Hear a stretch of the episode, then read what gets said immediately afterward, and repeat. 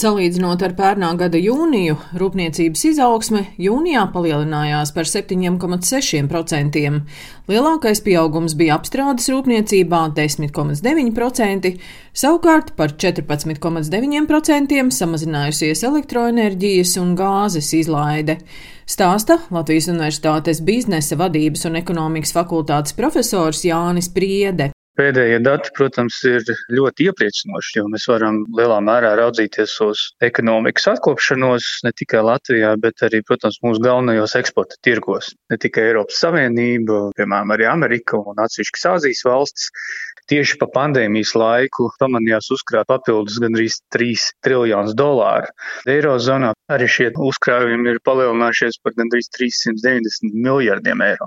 Tas nozīmē, ka tā nauda ir un tiklīdz situācija uzlabojās, tas nozīmē, ka arī rodās šis pieprasījums negatīvs šis blakus efekts, tiklīdz ir straujāk šis pieprasījums. Un, ja piedāvājums nespēja tik strauji, tik līdzi, tad mēs varam novērot cenu kāpumu. Zivju pārstrādes un konservu ražošanas uzņēmuma Karavēla valdes priekšsēdētājs Andris Bitte vērtē, ka pieprasījums pēc zivju produkcijas divreiz palielinājās 2020. gadā, kad pasaulē sākās Covid pandēmija un uzņēmuma apgrozījums palielinājās par 24%.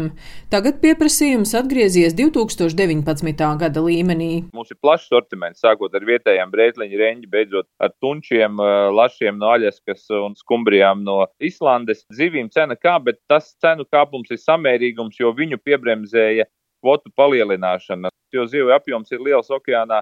Un līdz ar to tas nobremzēja tādu milzīgu cenu kāpumu. Bet, ņemsim, metālam cenu kāpums ir tuvu pie 100%, alumīnijam tas pats. Līdz ar to tas jau gala cenu arī ļoti stingri ietekmē lielākās problēmas jau rada nevis augsta cena, bet tas, ka viņi ļoti strauji kāpja. Nav iespēja to ļoti ātri nokompensēt ar pārdošanas cenu pieaugumu. Sijā karavela zivju konservus eksportē uz 46 pasaules valstīm. Jāpaplašinās esošajos tirgos, gan ir jāmeklē jauni. Un mums ir ambīcijas. Mēs gribam sasniegt tuvāko piecu gadu laikā 100 miljonu apgrozījumu. Attiecīgi mums ir ko darīt, ir kur investēt. Kopumā, ja mēs ņemam lielākos tirgus, tad tie mums ir Zviedrija, Dānija, Vācija, Lielbritānija, ASV, nu, apmēram virs 10 un uz augšu procentu no kopējā apgrozījuma. Geogrāfija ir ļoti plaša, sākot ar bijušā sociālās valsts un beidzot ar eksotiskām un tālām, kā Japāna, Dienvidkoreja, Austrālija. Veidojam jaunas produktu grupas, prezentējam viņas tā, kā varam, teiksim, online izstādēs, strādājam ar klientiem no attāluma, nu, tā kā varam pielāgojamies situācijai. Bet kopumā tā situācija ir normāla.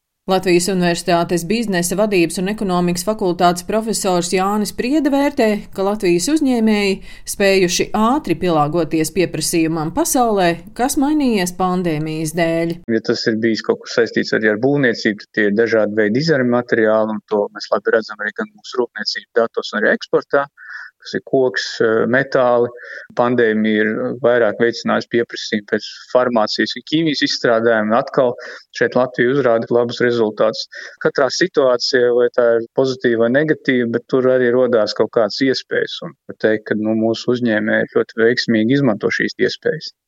Bet kopumā tas tiešām ir atkarīgs, kā mums veiksies ar šo pandēmijas apkarošanu. Jo, piemēram, turisms joprojām nav īsti atkopies, jo šie ierobežojumi ir. Tā ka es domāju, ka šeit joprojām viss ir ļoti atkarīgs no tā, kā mēs kopā visi tiksim galā ar šo pandēmiju. Uzņēmuma Karavela valdes priekšsēdētājs Andris Bitte stāsta, ka šobrīd ļoti svarīgi ir 250 uzņēmuma darbinieku un visas grupas 600 darbinieku vakcinācija, lai Covid dēļ nebūtu jāaptur ražošana, kā notika pērnā gada nogalē. Maksimāli, ko varējām, oficiālās pārdošanas, sagādes, visu grāmatvedības centāmies darboties attālināti. Protams, mums arī bija saslimšanas gadījumi, un ap Ziemassvētku laiku mums bija uz divām nedēļām jāapsādina ražošana, jo saslimušo apjoms bija pietiekami liels.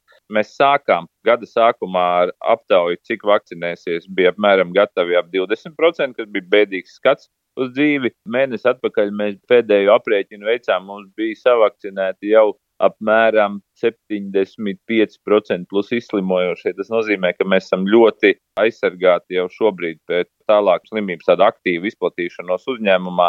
Jūtamies diezgan šodien komfortabli salīdzinoši varbūt ar apkārtējo, kas notiek pārējā sabiedrībā ar vēlmu vakcinēties un sevi aizsargāt. Andris Bita vērtē, ka pie izēvielu cenu svārstībām uzņēmēji jau pieraduši.